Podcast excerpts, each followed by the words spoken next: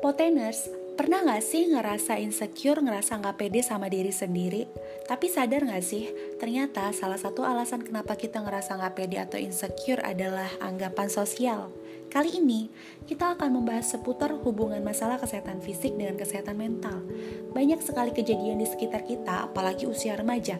Menurut WHO, batasan usia remaja adalah 10-19 tahun.